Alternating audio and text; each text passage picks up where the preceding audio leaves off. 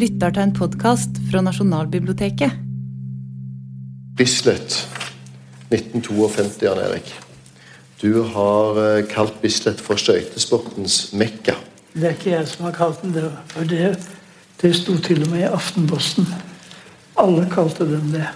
Og da er spørsmålet mitt er dette høydepunktet for skøytesporten i Norge. Har skøytesporten noensinne vært større enn den var på Bislett i 52?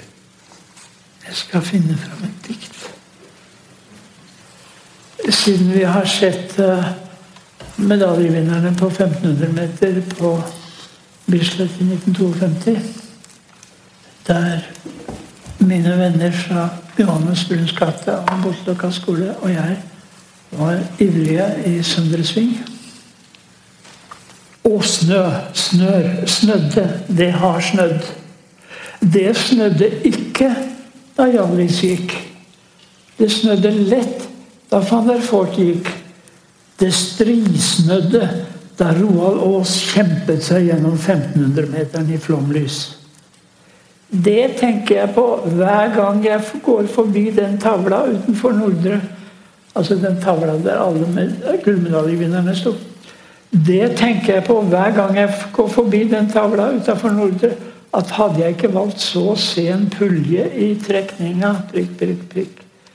Et stykke hjerte på han som tok gjeveste medaljen i indianerdamedalen to olympiader senere, sammen med selveste Grishin. Roald er på omslaget av denne diktsamlingen min en sirkel is. Nesten alle skøytebøker fra denne perioden har Hjallis på forsiden. Roald og jeg ble veldig gode venner. Han var veldig stolt. At for en gangs skyld så var det han som kom på forsida, og det er veldig bra foto som dere ser som sto i VG. Så hva var det du spurte om? Jeg spurte om du kunne lese et dikt om uh, Roald Aas fra Bislett i 52. Så det gjorde du. Nei, uh, jeg spurte deg om uh, dette er høydepunktet for uh, skøyteløp i Norge. Fulle tribuner på Bislett i et OL på hjemmebane. Uh, folkesport uh, og nasjonalsport. Ja, det er det foreløpige høydepunkt, ja. ja.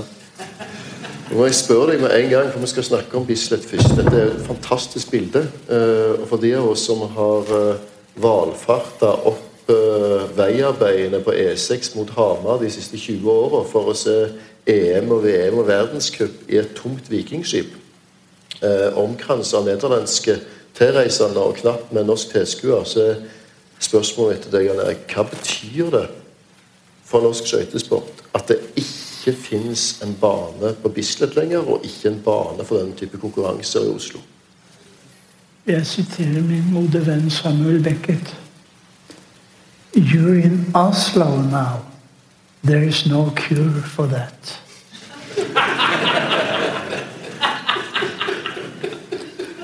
Det er så forferdelig det som foregår i Oslo, at jeg er helt rystet.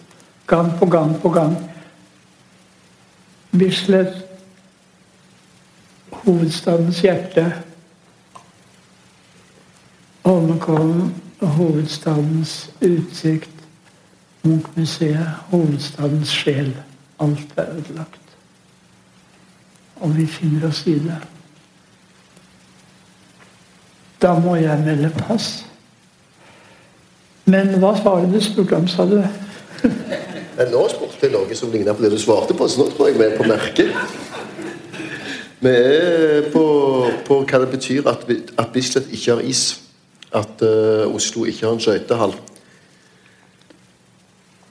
Ja, nei, alle kan jo svare på det. det de som har motarbeidet skøytesporten i Norge, er Norges skøyteforbund og Oslo kommune. Det er øh, Rune Gerhardsen og Børre Rognlien har begge viet 15 år av sitt liv hver seg for at det ikke mer skal bli is på Bislett. De er begge skøytepresidenter i Norsk Skøyteforbund. Det er et forræderi hinsides. Det er en Molbo-historie som selvfølgelig ingen tror på bare fordi at Jan Erik Vold forteller den. Så den er dødd ut. Men sånn er det. Så skal de sette opp en statue av kuppelen uh, utenfor Søndresving. Og så skal Rune Gerhardsen, den største ødeleggeren av skøytesporten i moderne tid, skal han stå der og snakke vrøvl til kuppelen? Nei og nei og nei og nei. Nei, du må Selvfølgelig er det forferdelig at, at dette som skjedde med Bislett og, og, det er altså Oslo bystyre som har vedtatt det, så det er galskap over hele fjæra. Og alle partiene er like ille.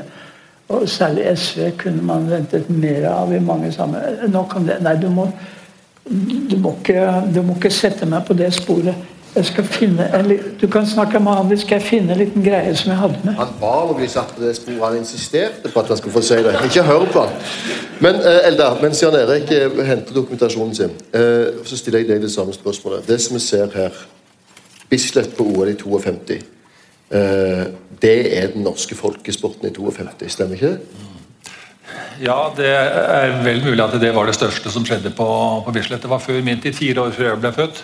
Uh, men det er klart, tre gull på hjemmebane til uh, Hjallis uh, Det er klart det er vanskelig å matche de fulle tribuner og den stemninga som var rundt banen. Det er klart at det, det skal godt gjøres å matche det. Vi hadde jo 65 med den første nordmann som ble verdensmester, Per Ivar Mo. Det var eh, like mye folk eh, på banen da. Og stemningen eh, var euforisk også da. Så for den som er født litt seinere, så er kanskje det det største som ikke opplevde da 52. Men, men da er spørsmålet ditt fordi at uh, Noen av oss er født så sent at vi ikke fikk med oss uh, Per Ivar Moe heller. Uh, men fikk med oss Falk Larsen, som ble bua uh, ut på 10 000 meter på Bislett. Uh, og Koss er det vel da uh, Nei, som bues ut. Men er Bislett-stevnene og mesterskapet på Bislett like stort helt fram til det siste? Ja. Altså, ja. ja. Historiker Høydal, er du enig? Ja. Uh, du, du, var kanskje Jan Erik på i 83 da Falk Larsen vant. Ja, men da bua de, uh, som uh, de, du sier. Noen bua, noen bua ikke. Mm. Noen jubla i respekt for de tre løpene han hadde gjort på glimrende vis. Og så tok hun det litt rolig på det siste, og det skulle han ikke gjort. For det var en annen type tilnærming enn skøyteløperne hadde hatt tidligere. Da var det å gå for drakta og for nasjonen helt til de stupte. Men der kom det noe kalkulerende inn. Noe å ikke ta seg helt ut, men å gå akkurat så fort som det var nødvendig å gå. Og det, det reagerte folk på. Noen, noen reagerte på det iallfall. Men, men spørsmålet det, bare ta det med en gang. Dette har jeg lurt på siden 83. Eh, for at jeg den gangen forsvarte Falk Larsen djupt og intenst overfor far min, som var rasende. Uh, men altså Én ting er at han ikke gikk særlig fort, men han hadde jo ikke vunnet verdensmesterskapet uten tre eh, regelen om at tre distanseseiere ga sammenlagt For Gustavsson hadde jo bedre poengsum. Er det den eneste gangen i historien at en verdensmester har hatt den dårligste poengsummen, eller har det skjedd før? Dette vet jeg ikke svaret på. Det er ikke en quiz. jeg bare spør. Nei. Nei, Regelen var jo slik at eh, hvis du hadde vunnet tre løp, så var du mester bare du fullførte det siste løpet. Eh, og Det ble jo endra etter at eh, det skjedde som skjedde med Falk Larsen, som fikk dårligere poengsum enn Gustavsson. Men så sier han sjøl at hvis han hadde måttet, så hadde han gått fortere. Da hadde han klart å mobilisere de ekstra. Men han er ikke noen klovn, sa han Han ville ikke øh, gjøre det folk eh, ba om fordi de, de ba om det og ventet det. Han gikk så fort som han syntes det var nødvendig for å vinne. Og det hadde han allerede gjort, bare han fullførte løpet. Så han hadde på seg skjorte og slips under trikoten, sa han. Og Han hadde begynt feiring allerede da han gikk 10 000 meter og klarte ikke å ta seg helt ut. Sånn var det. Han var mentalt ikke innstilt på det. Men, men da må jeg spørre deg, før, før jeg kommer tilbake til, til Bislett i 83 men eh, Det valget der For at Rolf Ack Larsen var jo eh, eh, han, Etter S-ene så er Frank Larsen da i relativt kort tid etterpå vår einer. Eh, og hadde potensialet til å bli folkehelt. Eh, nå ble karrieren ikke så stor etter det VM, men det valget han da gjør eh, Å si at 'jeg blir ikke klovn', er det ikke noe av det som, som gjorde at han skrev seg ut av denne lista av store navn? Han, altså, det, det fester jo mer, i hvert fall blant skøyteentusiaster, fortsatt. Eh, akkurat det akkurat det løpet. Det er ett løp man husker Rolf Ark Larsen. Så er det ikke at han 1500-meteren han vant på suverent vis. Det er ikke 500-meteren, det er ikke 5000-meteren. Det er 10 000-meteren har Bislett han huskes for. Stemmer ikke det? Jeg tror du har rett i det. At det var et uh, skjebnesvagert valg han gjorde hvis han skulle bli en nasjonal helt på linje med Mo Hjallis, uh, kuppelen. Det kunne han ikke bli med en sånn 10 000 meter. Sånn er det. Publikummet er ubønnhørlig og krever blod og de krever full innsats. og Når ikke han ytte det, så ble, blir man ikke nasjonalhelt. Han hadde også noen dårlige råd etterpå, som du sier. Prøvde lenge, prøvde til og med comeback mm. i Lillehammer-OL i 94, så han hadde ambisjoner lenge. Men uh, han har, har, ikke blitt den store helten som en uh, norsk verdensmester burde blitt. Ja, men, en, uh, ja, Jan Erik, du har fokus fram Jeg har et dikt om det òg, jeg. Det, det vet jeg. Han hadde ruddet begge distansene første dag. Nå drev han og varmet opp på den lille vollen bak klubbhuset rett innenfor nettinggjerdet. Dette er prosa først, da. Volden passerte på utsida med lua godt ned i panna og ropte 'I dag gjør du det!' 'Hvis du skriver et dikt, så', kom svaret. Han så meg altså. Så fort som bare det. Vi forsto at her var det en kar som var skjerpa. Vi, vi, kunne altså se inn på, på baksiden av Store Stål Nei, av hovedtribunen var det et nettinggjerde. 1500-meterduellen mot russerens bestemann Baranov ble ulidelig spennende. Det var den tredje distansen. Hvis han vant den, så var han jo mester. Løpet gikk i sjette par etter alle de andre favorittene. De to vekslet hele tiden om ledelsen. Og da det ringte for siste runde, lå de så godt an i tid at det var klart førstemann inn ville vinne distansen. Russeren hadde fordel av siste indre. Nordmannen forserte med en utrolig yttersving og sleit seg foran i mål. 1.57,66 mot, e, mot Baranovs 1.57,91. Tre distanseseiere, mesterskapet allerede i havn om han bare fullførte siste distansen. Utladningen hadde vært enorm. Ambisjonen var nettopp dette, å komme seg i mål på mila, altså 10 000-meteren der han ble nummer 13. Da gjorde publikum det eneste dumme de har gjort de 35 sesongene undertegnede har vært på, på skøyteløp på Bislett fra 1949 til 1983. De peip mot sin egen mester. Og pådro seg derved skøytegudenes vrede. Iallfall kan det se ut som skøytegudenes straff det at vi nå har blitt fratatt Bislett som skøytebane denne skøytesportens hvite sten som ligger der svart hele vinteren, bortsett fra loppemarked og juletresalg. Jeg gikk hjem og skrev, som avtalt, diktet til Rolf Falk Larsen. Det kom på trykk i en herværende middagsavis man snakket om sånn på den tiden, på sportssida fire dager senere. Falken på Bislett, VM 83. Din innsats, vår honnør. Din innsats, vår honnør. Din innsats, vår honnør. Bislett er en gyllen dør. 1500 siste sving, 1500 siste sving, 1500 siste sving. Bislett er en gyllen ring. Mange brølte, også vold. Mange brølte, også vold. Mange brølte, også vold. Men kun én ble Tordenskjold.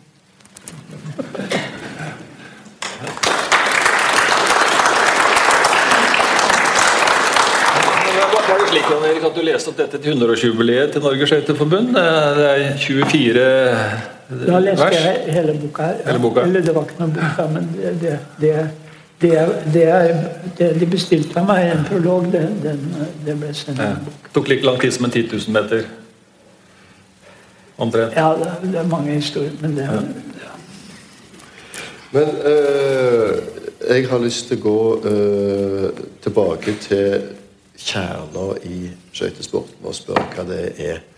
Eh, ved at Når vi ser Hjallis gå i eh, 52, så går Hjallis eh, 10 000 meter på rundetider. Alle her har et forhold til rundetider, så jeg forklarer ikke hva det er, men rundetiden hans ligger og vipper unna før. Eh, og for de som da fylte han da, så var det magisk å kunne gå det unna før. Uh, når jeg begynte å se på, på skøyter og så uh, Stenshjemmet mot Storholt gå uh, i mesterskap, og etter hvert van der Doim og Sjøbrenn, så kunne en som sprakk på 10 000 meter, fortsatt gå rundetider på 40.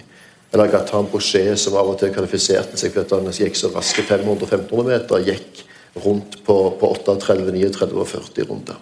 De var sammenlignbare på et eller annet nivå. Og jeg kunne forestille meg kunne se for meg på en rundetid hvordan 5000 meter og 10 000 meter så ut i poengskåren. Jeg kunne se på rundetiden hvor du endte opp. Du kunne sette dette til sammen. Altså tallmagien rundt dette. Fra Hjallis går der og fram til i dag så har han flytta verdensrekorden på uh, 10 000 meter med flere minutter. Hva er den på nå? Uh, Hva? Skal få et dikt om det. Det er for deg. Dette er da skrevet i, i, i, i 84, var det det? 83, 84 93.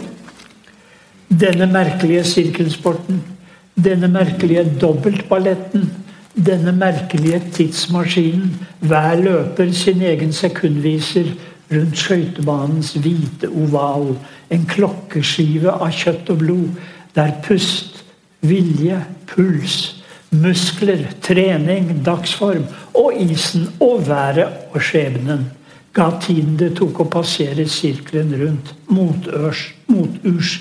40 sekunder var bra rundetid for Hjallis. 36 sekunder bra for Maier. 32 bra for Johan Olav Koss. Dette var året etter olympiaden. ja. Rundetid 30 hvem vet, hvem vet? Her er altså vold i framtidsbyene. Rundetid 30, hvem vet, hvem vet? Gir sluttid 12.30 blank. Ungareren Pajor var førstemann under 17 minutter år 1949.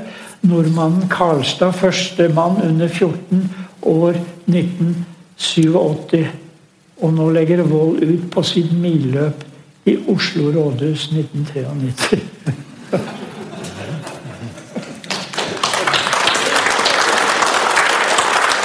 Akkurat det. Eh, for deg, Hilda, eh, som du er vokst opp med Du sa det ute rundetider på 36, ned på 34 på en god tid.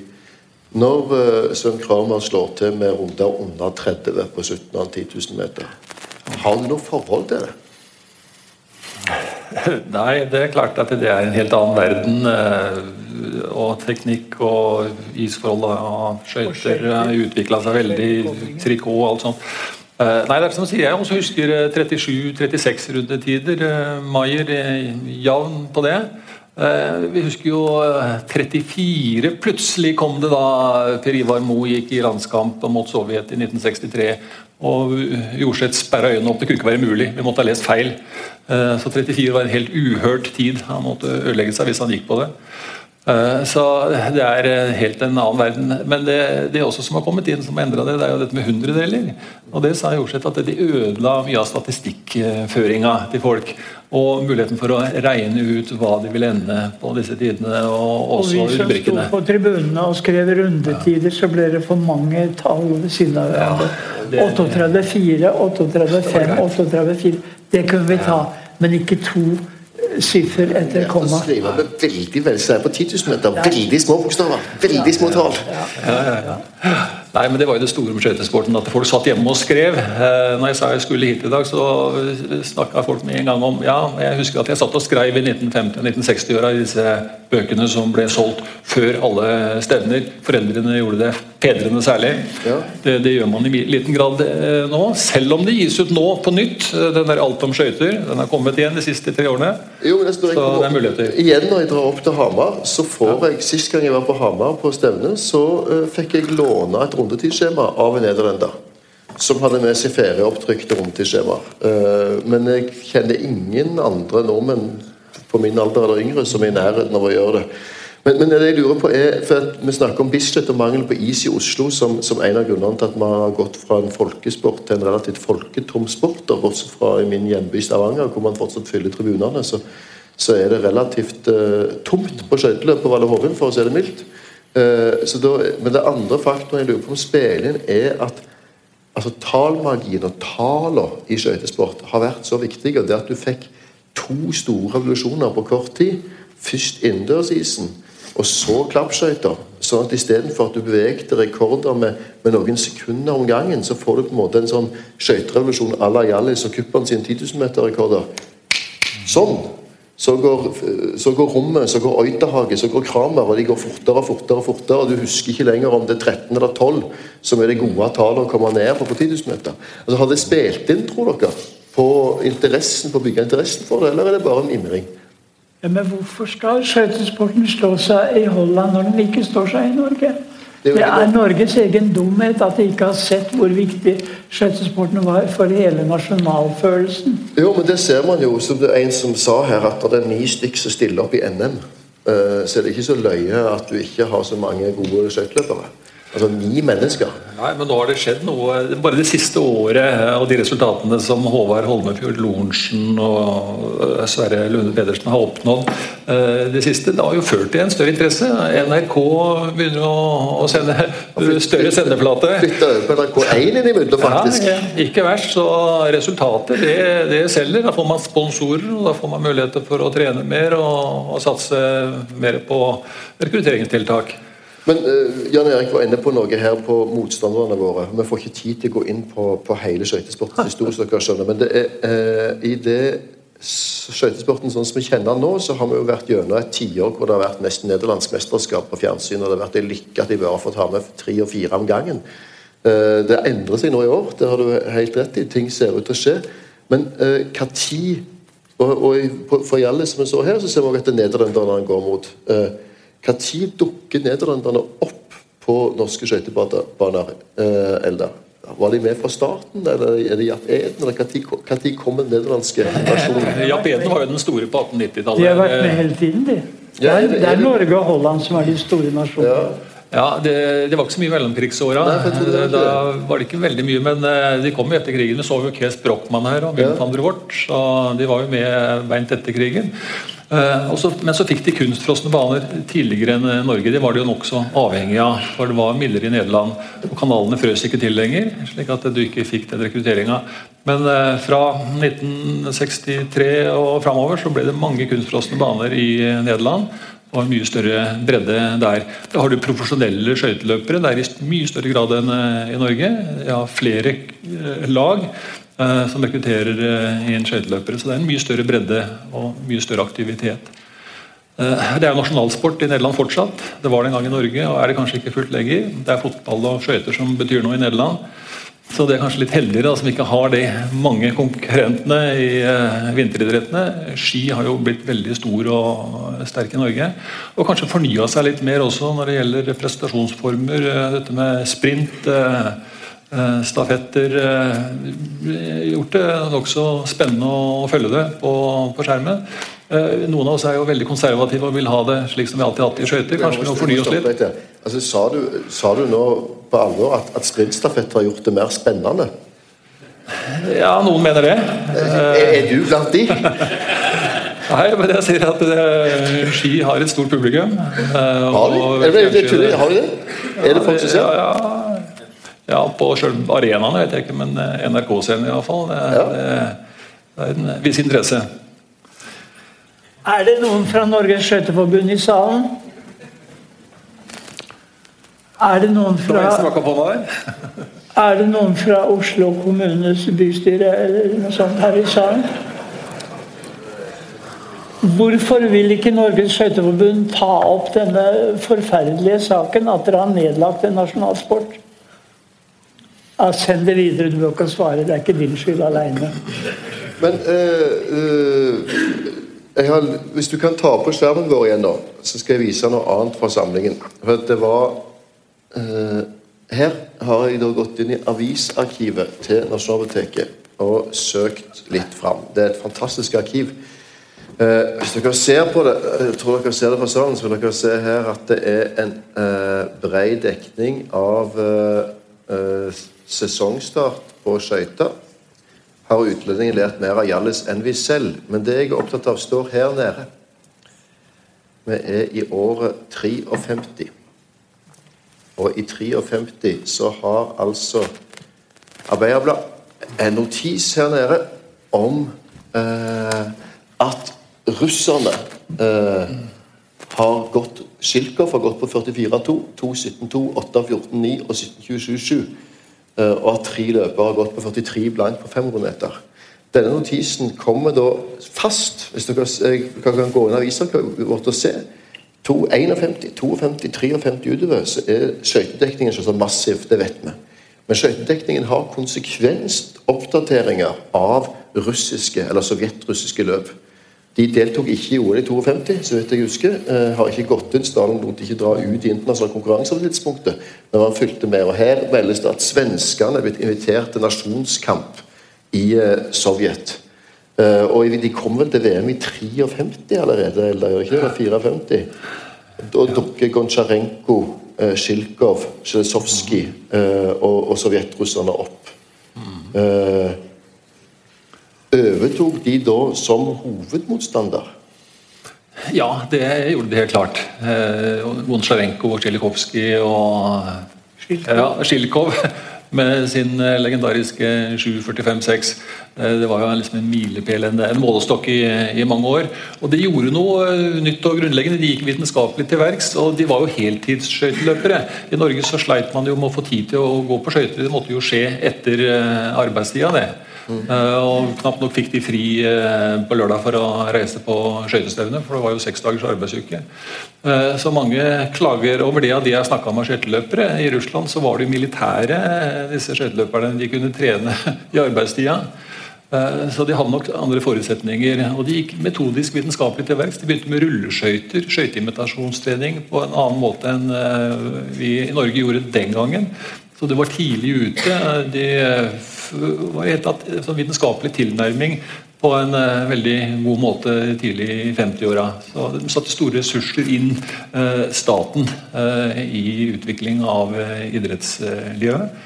for det var jo prestisje knytta til å, å, gjøre det bra i idrett. Slik det har vært i Øst-Europa i mange år. Det var, det, men det var jo sånn altså Russerne var ikke med i internasjonal vinteridrett. I hvert fall før 1953. Da kom de over hele fjæra. De ville ikke være med i Olympi eh, olympiaden i 52, men i 53 kom de, og da fikk Hjallis Ja, Hjallis la jo opp i 53, man kom tilbake i 54 og, og ble aldri riktig det samme. Men uh, Russland, de har med russernes ja, comeback, eller hva du vil. Det, de, det var i 53 de kom. Også ishockey uh, Russland. og du har jo skrevet uh, og sagt Jan Erik, at uh, skøytesporten menneskeliggjorde sovjetrusserne på en helt annen måte enn politikken og, og, og, og samfunnsdebatten for øvrig den gangen. Ja. Vi guttunger som uh, var autografjegere, det, det, var altså autografjegeriets gullalder. Mm. Det var omtrent på den tiden. Så. Og så er det en ting som aldri sies, annet enn av undertegnede olympiader er for tolvåringer. Vi må ikke glemme det. Og en som er født eh, høsten 39, var jo akkurat eh, i rett alder til å gå på Bislett februar 52. Eh, det er viktig og ikke viktig. Men, og det med skøytesport er jo, det er jo en fattigmannsidrett. Disse gutta fra Hadeland, Hadelandstrioen, Ballangerud og kompani de trengte ikke mer enn et par skøyter, og så kunne de måke om banen sjøl på isen der. og så kunne de gå. Det, en, det har noe med skøytesportens rekruttering å gjøre. At det var mulig for Det sto ikke på penga, ikke den gang, om du vil bli god på skøyter eller ikke. Men du, eh, eller Apropos Hadelandstrioen. Da er vi tilbake i både mellomkrigstida, men òg etterkrigstida. Eh, Ballangerud, Egnestangen, Staksrud eh, og Sovjet. Det var jo en betent historie etter hvert, politisk, eh, rundt disse. Egnestangen måtte stå over eh, etter krigen for å ha brutt idrettsboikotten. Eh, Staksrud, han, eh, bror hans var nazist, han ble drept, døde under mystiske omstendigheter i november 1940, som ble spekulert mye i og av gammelnazistiske aviser i Norge fram til 80-tallet, vet jeg. Uh, og uh, Finn Hott, som senere ble landslagstrener, måtte jo òg eh, stå over for dette. Hvor mye betydde denne altså den politiseringa altså den politiseringa som dette var for skøytesporten i etterkrigstida? Ja, Vi kan starte litt før krigstida.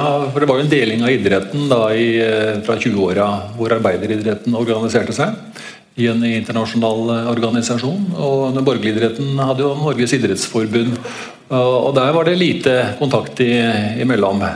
Det var jo ikke lov å konkurrere hos hverandre. Russerne konkurrerte jo heller ikke i borgerlige mesterskap ja, i mellomkrigstida. Egnestangen var jo en som starta for eh, arbeideridretten eh, fra 1928 og gjorde det jo veldig bra der. Og var jo den fremste norske arbeideridrettsskøyteløperen.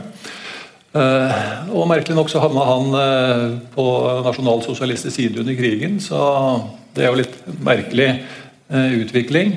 Men han var tydeligvis en søkende person som var åpen for mange åndelige impulser og politiske retninger. Eh, men det var han ja, og Hott da, som eh, under krigen eh, ble, da gikk over på den andre siden. Ellers så var det veldig bra oppslutning i skøytesporten om idrettsboikotten. Veldig god oppslutning. Men det, det at Finn Hott senere ble landslagstrener og for så vidt også var inne i teamet så sent som i, i 94 rundt uh, Hans Trygve Kristiansen og, og, og Kåss den gangen ja.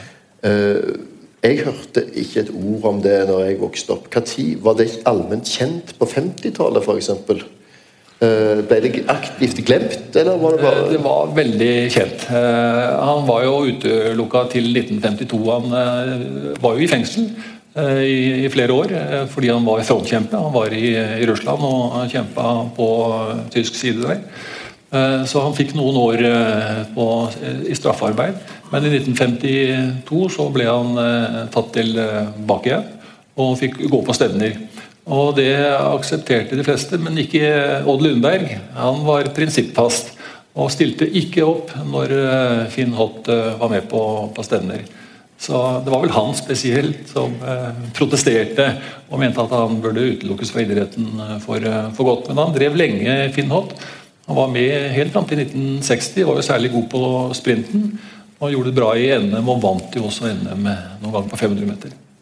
Men Apropos det, det en annen ting jeg lurer på. For for Når vi snakker om skøyter, så snakker vi stort sett, i hvert fall i Norge, i hvert fall tradisjonelt, om den store firkampen. Altså, det er 500, 5000, 1500, 10 000 i den rekkefølgen. Ingen løp på fredagen. To løp lørdag, to løp søndag. Sånn er skøytesporten. Eh, men nå nevnte du sprint. Uh, to 500, 2000 meter. Eh, har sprint alltid blitt sett på som mindre viktig enn allround i norsk skøyteløp? Mitt inntrykk er det at det er eh, de lengste distansene som har størst prestisje. At heltene det er langdistanseløperne som klarer å vinne selv om de må ta igjen 25 sekunder på 10 000 meter. Den eh, fascinasjonen vi har rundt det, at Maier må ta igjen så mye. Og eh, Hjallis måtte det gjerne, og, og andre. Kuppel også, ikke minst. De måtte ta igjen over 20 sekunder. og Det var veldig spennende om de klarte det. Så Det var det som gjorde at folk beit negler og satt og fulgte med foran eh, radioapparatene og etter hvert foran TV-ene. Og levde seg inn i dette. Så jeg tror nok eh, 10 000-meteren står sterkt langdistansen i det hele tatt. Særlig i Norge. At det kanskje kanskje motsvarte noe i den norske væremåte at uh, vi skal komme, men ikke så fort. Det er en kjent sak at mange av utlendingene var bedre sprintere enn de norske. Men så tar vi dem igjen på 10 000-meteren, og det, det, tiltalte det norske fattige folket. Vi har jo glemt at vi var fattige i de der årene der. Det er derfor det er så opprørende at vi har nedlagt en nasjonalidrett nå som vi har mer penger enn Nederland, så det suser. Vi kunne hatt like mange kunstfrosne baner og sånn. Hvorfor kom Ådne Søndrål og Bøkke fram? Jo, for de har en kunstfrossen bane oppe i, oppe i Hallingdal. Og så er det ingen i Oslo som ser det. Hva er det Oslo byråd bruker øya sine til? Og Norges Skøyteforbund også. Jeg melder meg ut. men uh, jeg lurer på, men Jan Erik uh, uh, På Bislett i, uh, på overgangen fra 40- til 50-tall. Eh, var det sånn da òg for deg at heltene var de som gikk 10 000 og 5000? Eller var sprint, kunne du, være, kunne du bli helt på å være en 500 meter løper? Nei, vi hadde ingen riktig gode sprintere i forhold til utlendingene. Eller veldig få, da, for å si det sånn. Så det var, eh, det, det var, eh, det var trønderne som kom på 10 000-meteren. Hjallis og kompani. Henry Wahl, er det noen som husker navnet? Henry Wahl. Han var også langdistanseløp. Blekastad husker det. Det, hø- det høres ut som din versjon av Henry Nilsen, som jeg fulgte, som gikk så seint på 500 meter at han eh, han måtte slåss for å få gå 10 000. Måtte helst være blant de seks beste, så han fikk kjangs, men til gjengjeld så gikk han fortere og fortere mot slutten. Og han, Men vi må bare få si det at det er klart Oslo er jo hovedstaden, og det er klart det burde vært en eh, bane her. Vi har jo en kunstfrossen bane eh, i Valle Hovin, men det er klart det burde vært en skøytehall, selvfølgelig. eh, Og ikke bare på Hamar. Men nå er jo landet litt større. Vi har Bergen som et veldig sterkt miljø nå, med Slåtthaugbanen. Og det er det som gjør at de har kommet fram der, Pedersen og Holmefjord Lorentzen og andre. Så vi har jo utvida skøytesporten nasjonalt. da. Og i Tromsø har jeg fått en bane, Tromsdalen og i Stavanger. altså Stavanger har eh, PT verdens beste lavlandsis, og jeg er selvsagt veldig stolt av det. Og de som legger isen i Stavanger, for å ta det jeg vet ikke hvordan de lærte å legge is. De satt og så nederlandsk fjernsyn og så på hvordan mannskapet i pausen i Heerenveen oppførte seg. Og så gikk de ut og testa det på isen, for Stavanger kommune hadde ikke råd til å sende de ned til Heerenveen for å lære å legge is. Så vi gikk og kikket på vanningsmaskinene om bademannskapene og lærte seg det etter hvert, og så fikk de dra på tur. Og Det er fantastisk, men altså vi har ikke noe skøytetradisjon i Stavanger. Så du, altså, ingen går på skøyter på lille julaften eller julaften formiddag i Stavanger. Ingen drar på skøytebanen for å se, sjekke damer eller gutter. Ingen går på kunst. Altså, vi har ikke noen tradisjon for å gå ut og gjøre det. Vi har òg hatt Norges beste hockeylag i Stavanger i ti år uten at noen gidder å begynne å spille hockey av den grunn. Eh, fordi at tradisjoner er lange, og denne byen her og omlandet rundt der, her har folk gått på skøyter i 150 år og har tradisjon for skøyter. Så ikke, du kan ikke skape. Men det er. Men jeg skal vise noe helt annet. Vi skal vise en klipp. Siden vi snakker om 10 000 meter løpere. Det var det vi egentlig snakket om. Så jeg skal vise en Jeg brenner inne med en bitte liten replikk. Hen Henry Wahl, Hjalmar Andersen Hvem er den tredje i Falkentrioen? Ja, bra. Du skulle fått Ja, bra. Nei, han var ikke så god på 10 000, men han var en jævlig god sprinter. Ja, Så derav EM i, i 49. Nei, 8 49. Ja.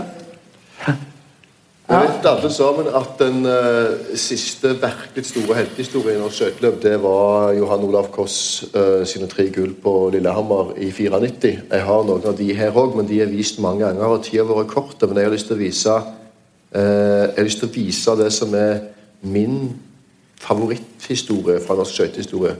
Da skal jeg først stille dere et spørsmål, og det er 10 000 meter på skøyter. Har dere ei favorittid, ei tid dere aldri glemmer? Er det. Ja, jeg hører hele salen har det. Vi må spørre de her oppe. Nei, jeg kom bare til å tenke på Var det, var det Ballangerud som gikk på 17.05? bab, bab? Du vet det, du som vet så mye annet. Eh, Skal vi se altså Jeg 1546. Ja, ja, den tenker alle på. Men jeg, jeg- det var derfor jeg skulle være litt original, da. Ja. Jeg, jeg, jeg har en av det. Det er 1532-2. Skal tro om det er noen som veit den. Nils? Maier. Maier i 66, ikke sant? For da slo vi jo uh, Jonny Nilssons eh, tid på 1533. Det var ikke så mye, men det var litt, og det var bra at den kom tilbake på norske hender.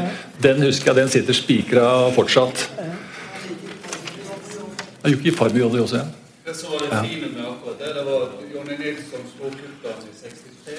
I, i, da var kuttene hadde verdensrekorden i snøret. Og så var det større på Bislett når eh, Ja. Slo Nilsson. Yes, stemmer. Bra. Og så kommer da min, eh, og det er 1348-51. Eh, 1348-51 er i desember 1987 i Calgary med Geir Karlstad som eh, setter verdensrekord. Han er ikke førstemann under eh, 14. Det er bare tull. Det er noe vi sa i Norge. Malkov var under 14 lenge før det. Men han er den første Skøyteforbundet anerkjenner eh, under det. Men så skjer dette. Nei, det er ikke dette. Dette. Nå får det riktig opp her. Kom igjen.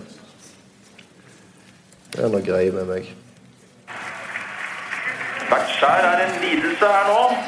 Ja, det er lidelse hvis du ikke får se bildet, da. Hvert skjær er en lidelse her nå. Og passerer på 9.33 blank og må opp i 34. Nei! det var jo faktisk slik at man var forhøyet til 34. Nei, dette går jeg ikke med på. Men vi hører hva som blir sagt. eh, Det har man. Hvert skjær er en lidelse her nå. Og passerer på 9.33 blank og må opp i 34. Ja, det var jo faktisk slik at man var på høyre til 34 igjen og tapte over sekundet. Og så falt han. Falt på han. Så faller Geir Karlstad. Jeg tror ikke han har slått seg. Dette to måneder etterpå, og han faller ikke. Han legger seg.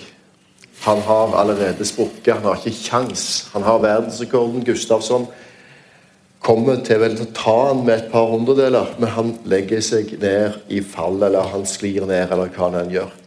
Det nederlaget her, Eldar Ja, jeg snakka med Geir Karlstad om dette der, og han sier at det er som du, du sier. eh, Det er en eh, utmattelse eh, og en skuffelse. Selvfølgelig at det gikk så helt annerledes enn det han hadde tenkt, og den norske nasjonen hadde tenkt. Husker jo eh, reklamene før dette OL. NSB sponsa jo langdistansetoget Geir Karlstad. Det var han man hadde forventninger til.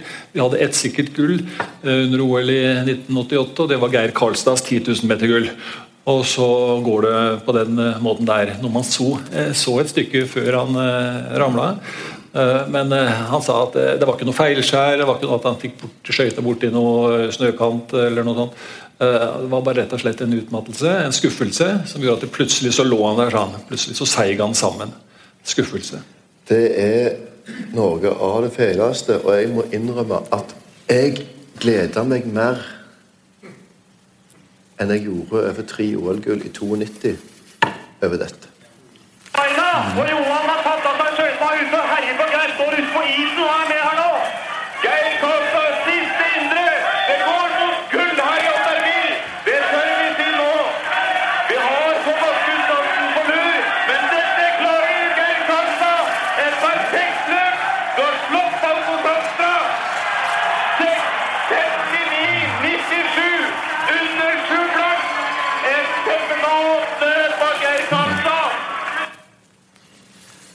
Jan Erik, har du et dikt om dette? Er det der han tar gull i, i, i 94? Det er gull i, i, i 92 5000 meter i Albertville. Ja, det har jeg selvfølgelig et dikt om. Det var det jeg trodde. Telegram fra Stockholm til Albertville. Den norske olympiatroppen Monsieur Geir Karlstad. Fire år etter Calgary. Først berget du norsk skøytesport gjennom de tunge årene.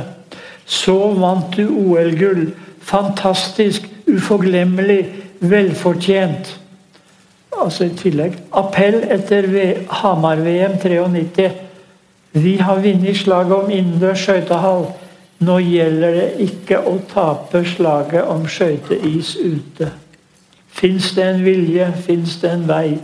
Fins det en vilje, fins det en vei. Fins det en vilje, fins det en vei. Med hilsen til Oslo kommune.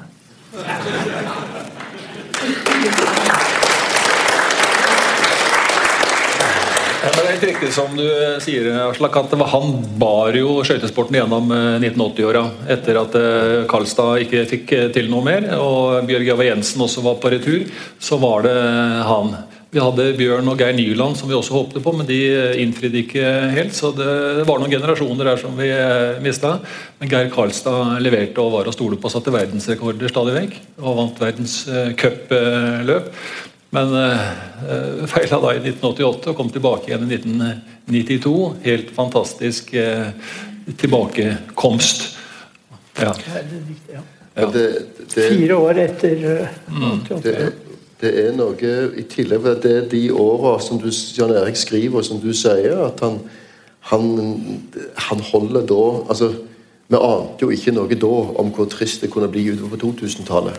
Eh, så at dette var det tristeste vi hadde vært med på noensinne. At det var ingen sammenlagt favoritter. Det vi kunne håpe på, var at Geir Karlstad vant 5000 og eller 10 000 i EM og VM. Eh, Det fantes ikke VM på enkeltdistanser før slutten av 80-tallet.